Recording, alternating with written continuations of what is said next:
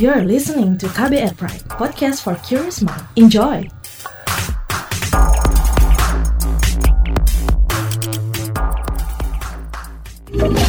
Kamu lagi dengerin What's Trending KBR Pagi.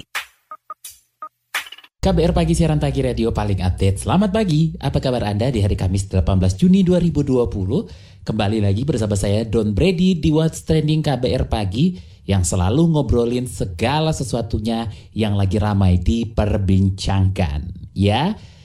Oke, okay, pagi ini um, kita akan ngobrolin soal perekonomian nih.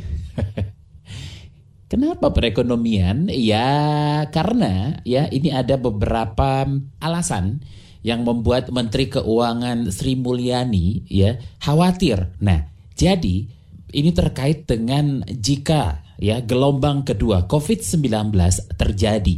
Oke, sebelum kita ke Menteri Keuangan Sri Mulyani, ancaman terbaru COVID-19 kembali datang dari Tiongkok dengan lonjakan kasus infeksi baru di Beijing pekan ini. Padahal negeri tirai bambu itu sebelumnya telah berhasil mengendalikan penyebaran wabah dan sempat tak alami kasus baru selama dua bulanan. Negara lain seperti Selandia Baru setelah sepekan menyatakan bebas COVID-19 kini juga kembali melaporkan kasus infeksi baru. Negara-negara di dunia memang tengah mewaspadai adanya potensi gelombang kedua pandemi corona atau COVID-19. Hmm, oke. Okay. Dilansir CNBC, Kepala Unit Penyakit dan Zoonosis WHO, Dr. Maria Van Kerkhove, mendesak otoritas kesehatan tetap waspada dengan banyaknya negara yang menghadapi kemunculan kasus-kasus baru virus corona. Sementara itu, Menteri Keuangan Sri Mulyani khawatir apabila gelombang kedua atau eh, yang disebut uh, double hit itu benar terjadi, kontraksi ekonomi global tahun 2020 diperkirakan akan menjadi lebih parah. Padahal, kata dia, biaya penanggulangan pandemi virus corona kini mencapai 695 triliun dari sebelumnya 677 triliun rupiah.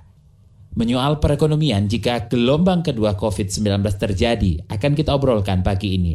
Tapi sebelumnya, kita dengarkan seperti apa keriuhan netizen plus 62 di media sosial.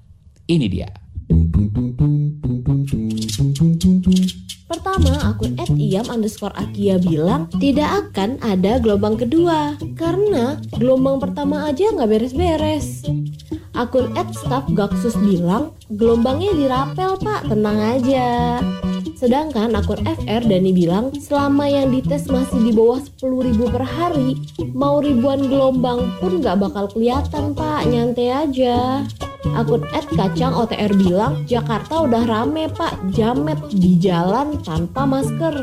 Tenang aja gelombang kedua OTW Akun Ed Virga Boys bilang Nauzubillah min zalik. Jangan sampai itu terjadi kalau akun @rahmah 414278556 bilang, si Covid ini emang bikin gregetan. Kesehatan bisa mematikan, pada ekonomi juga bikin sama fatal, termasuk pada dampak sosial. Akun @ivan underscore patria bilang, sebagai masyarakat yang terkena dampak langsung Covid secara ekonomi, kebijakan government sekarang cuma sebatas penyelesaian jangka pendek aja example, bantuan langsung, kartu prakerja, dan lain-lain. Dengan banyak sekali menuai polemik perdebatan di masyarakat. Namun, untuk jangka panjangnya, kebijakan rule menghapus harapan rakyat Nah, yang terakhir akun @harry_mul42957113 bilang dana yang begitu besar alokasi harus tepat sasaran kepada rakyat di samping pemulihan ekonomi kepada masyarakat yang mengalami dampak. Semoga pandemi COVID-19 cepat segera teratasi. What's Trending KBR Pagi. Masih di What's Trending KBR Pagi bersama saya Don Brady lagi ngobrolin soal perekonomian nih ya. Jika gelombang kedua COVID-19 terjadi. Oke, saya ajak Anda menyimak penuturan Menteri Keuangan Sri Mulyani terkait kekhawatirannya soal gelombang kedua COVID-19 dan potensi imbasnya terhadap perekonomian. Ini dia. Nah, kalau ini terjadi kombinasi antara instrumen pemerintah mulai jalan atau sudah mulai dinikmati oleh masyarakat dan dunia usaha dan relaksasinya sudah mulai dilakukan, kedua kombinasi itu diharapkan di kuartal ketiga bisa memulihkan dari kontraksi menjadi paling tidak mendekati nol. Sehingga technically kita bisa menghindari resesi. Dan nanti kalau tidak terjadi second wave, maka akselerasinya akan terjadi di kuartal keempat. Nah, Anda semua bertanya, bagaimana kalau terjadi second wave? Jawaban saya, saya berdoa tidak terjadi second wave. Itu aja. Ya, saya berdoa dan berupaya kan dalam hal ini. Kalau tapi kalau second wave ya berarti tadi yang sudah direlaksasi kan diturunkan lagi, tapi bantalan sosial sudah masuk. Jadi kalau katakanlah uh, akan uh, kita bisa hindari dan oleh karena itu saya berharap teman-teman media juga ikut bantuin supaya masyarakat bisa ikut jagain tidak terjadi second wave. Ini merupakan sesuatu yang perlu untuk kita uh, lakukan bersama. Jadi kalau pertanyaan mengenai keyakinan, ya Grace hari ini attitude dari policy maker adalah kita selalu berharap yang terbaik dan mempersiapkan yang terburuk. Itu aja, hope for the best, prepare for the worst yang diyakini itu adalah upaya itu. Kalau kita bicara tentang yakin, kita mendahului Tuhan kayaknya ya. Nggak ada yang tahu karena di dunia ini nggak ada yang tahu. Nanti kalau saya jawab malah kamu jadi headline yang lucu aja. Mana saya punya pengetahuan mengenai hal itu kan. Jadi sebagai policy maker, kalau kita lihat seluruh dunia pertama, kalau vaksinnya ditemukan, itu saja sudah menimbulkan positif sentimen. Itu langsung bisa terjadi akselerasi positif sentimen jadi sama kalau Anda menanyakan kemungkinan second wave atau kemungkinan vaksin ditemukan. Kan dua-duanya itu kan posibilitas, probabilitasnya nggak ada yang tahu gitu kan. Nah ini yang kita harus kita uh, untuk terus antara satu sisi berharap yang baik terjadi, tapi prepare for the worst. Nah, sebelum kita obrolin lebih lanjut soal potensi dampak ekonomi Indonesia jika ada gelombang kedua COVID-19, kita dengar lebih dulu bagaimana kurva kasus di Indonesia bersama Ketua Satgas Kewaspadaan dan Kesiapsiagaan COVID-19 dari Ikatan Dokter Indonesia atau IDI, Zubairi Zurban. Iya, gelombang kedua itu timbul kalau sudah menurun-menurun terus jumlah kasusnya, jumlah kematiannya sudah melandai dan makin turun, terus mendadak timbul kenaikan lagi. Untuk Indonesia sih belum ada kejadian mendadak itu apa eh, naik lagi. Sekarang kita masih pada kalau melihat grafiknya sih masih naik ke atas sedikit itu ya. Jadi artinya kapan kita takut? Sebetulnya semua orang takut bukan hanya masalah gelombang kedua, namun kita takut adanya klaster-klaster baru yang tinggi gitu ya. Itu yang perlu kita khawatirkan karena kita akan telah memutuskan untuk beberapa banyak kabupaten untuk mulai uh, new normal. Itu yang harus diwaspadai adalah eh, kalau timbul klaster baru atau kalau sudah mulai turun-turun ya timbulnya gelombang kedua, gelombang berikutnya. Kalau untuk eh, Jakarta, Jawa Timur, Surabaya kan masih naik terus. Iya untuk Indonesia kita agak sulit dinilai karena Indonesia kan terdiri dari ya, banyak kota, kabupaten, provinsi. Tapi kalau uh, ya intinya kalau kan urutannya sekarang misalnya kemudian Jawa Timur ada klaster Sulawesi Selatan, Kalimantan Selatan, kemudian Jakarta lagi turun di bawah gitu ya. Jadi kalau Indonesia sebagai satu negara, kita melihat dari sekitar seribu kenaikan itu ya artinya belum melandai. Namun kalau melihat nggak karena misalnya kalau Amerika itu yang dilihat selain sebagai negara Amerika adalah negara-negara bagian. Jadi pada waktu banyak negara bagian melepaskan lockdown, kemudian New York juga makin turun, tapi ternyata di sebelah sana California mendadak naik. Jadi total per hari masih sekitar 20 ribuan. Jadi Indonesia kita harus, menurut saya menyikapinya harus begitu. Jadi tidak hanya bisa dilihat, jangan hanya lihat Jawa Timur, Surabaya, atau eh, Jakarta, atau Sulawesi Selatan, namun juga dilihat bagaimana mengenai eh, Lampung, Jambi, Palembang maupun eh, Sumatera Utara dan juga NTB NTT gitu ya. Itu dia tadi Ketua Satgas Kewaspadaan dan Kesiagaan COVID-19 dari Ikatan Dokter Indonesia, Zubairi Zurban. Dan sebelumnya ada pernyataan dari Menteri Keuangan Sri Mulyani soal kekhawatirannya soal gelombang kedua COVID-19. What's Trending KBR Pagi. Balik lagi di What's Trending KPR pagi yang lagi ngobrolin soal perekonomian nih, ya kan? Perekonomian yang dikhawatirkan kalau nanti gelombang kedua COVID-19 ini terjadi. Well, ya udah ya. Harusnya sih udah cukup, cukup-cukup banget gitu ya. Eh, jangan sampai ada lagi gelombang kedua nih kalau kita semua sama-sama benar-benar apa ya paling tidak patuh deh ya patuh untuk um, melakukan atau melaksanakan protokol kesehatan ya. Well by the way, mengurasi soal dampak ekonomi yang akan melanda Indonesia jika gelombang kedua COVID-19 terjadi, kita tanyakan kepada peneliti ahli utama di Pusat Penelitian Ekonomi Lembaga Ilmu Pengetahuan Indonesia atau LIPI, Maxensius Trisambodo.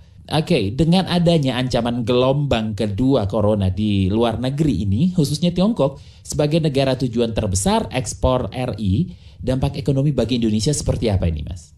Ya, kalau kita mati ya memang uh, kemarin apa peristiwa di Beijing ya itu kembali membuat apa Tiongkok apa melakukan pengetatan kembali ya untuk uh, mobilitas begitu ya. Dan kita melihat Tiongkok ini kan uh, mitra strategis ya tidak hanya buat Indonesia ya dia dia juga menguasai jejaring produksi global ya dalam global value chain begitu. Sehingga kita lihat kemarin kalau terjadi sesuatu dengan Tiongkok begitu tentu dampaknya tidak hanya dampak langsung ya ada uh, first first impact uh, atau first round ada second round. Jadi second round itu melalui negara-negara lain yang punya relasi dengan Tiongkok dan negara itu juga punya relasi dengan Indonesia. Jadi ada dua pola terjadi ya, Tiongkok Indonesia dan itu yang kita sebut sebagai dampak langsung dan dampak tidak langsung juga antara uh, dengan negara ketiga yaitu misalkan ya, Tiongkok dengan Thailand gitu ya. Nah Thailand ada relasi dengan Indonesia. Nah kalau relasi Tiongkok dengan Thailand terganggu, akibatnya Thailand dengan Indonesia juga terganggu. Nah inilah gambaran dari global value chain ya, apa bahwa kita memang tidak bisa melepaskan diri dari uh, negara lain. Jadi tidak hanya relasi satu arah, tetapi juga relasi dari banyak arah. Nah ini yang kita khawatirkan kalau nanti terjadi apa uh, dampak lanjutan yang berikutnya begitu ya. Itu kan berarti kemarin Bu Sri Mulyani menyampaikan indikasi penurunan impor itu ya untuk bahan bahan baku dan barang modal sudah terjadi ya karena dampak ya, ini dan ini akan terasa nanti di triwulan kedua nih kita akan melihat dampaknya seperti apa. Jadi saya kira akan sangat berbahaya nih jika kembali terjadi ronde kedua ya dari dari uh, wabah ini akan akan semakin terpukul lah ekonomi global dan juga nasional ya.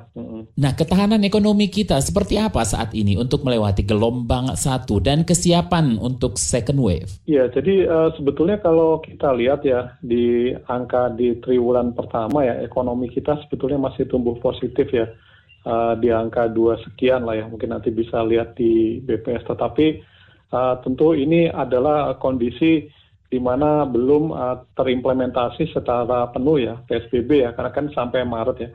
Jadi apa Januari Maret nah April dan seterusnya itu April Mei Juni itu kan sudah mulai banyak apa pengetatan apa mobilitas uh, masyarakat, barang, jasa dan sebagainya.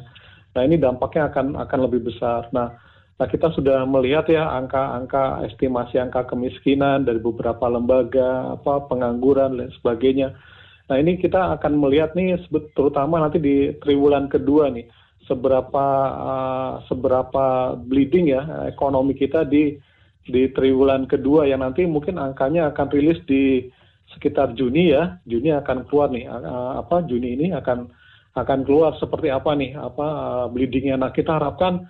Ini sudah berhenti di sini gitu ya sudah sudah stabil.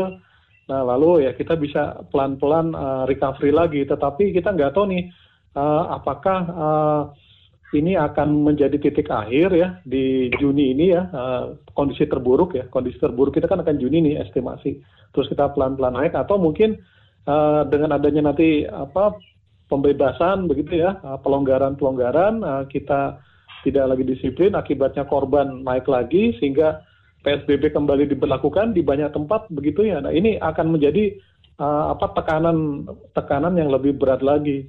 Jadi kita akan melihat nanti uh, di bulan Juni ini ya uh, besaran-besaran uh, pertumbuhan ekonomi di triwulan kedua ini uh, akan seperti apa. Jadi apa yang harus dilakukan pemerintah sebagai antisipasi dampak ekonomi gelombang kedua COVID-19 saat kita baru mencoba new normal? Saya kira nggak ada lagi uh, hal yang lain ya selain memang menyelamatkan manusia ya dan itu harus dilakukan dengan uh, at all cost gitu ya karena betapa uh, berartinya satu nyawa ya. Mungkin uh, masih ingat ya beberapa uh, minggu lalu salah seorang profesor dari Unpad ya, Pak Arif Ansori memberikan satu estimasi kalau kita gagal menyelamatkan manusia ya dan banyak manusia menjadi korban, itu kerugian ekonominya sama dengan nilai ekonomi apa nilai besaran ekonomi kita di uh, 2019. Jadi bahwa kita nggak bisa menganggap uh, menganggap atau mengabaikan ya sisi keselamatan uh, human human health ini memang harus menjadi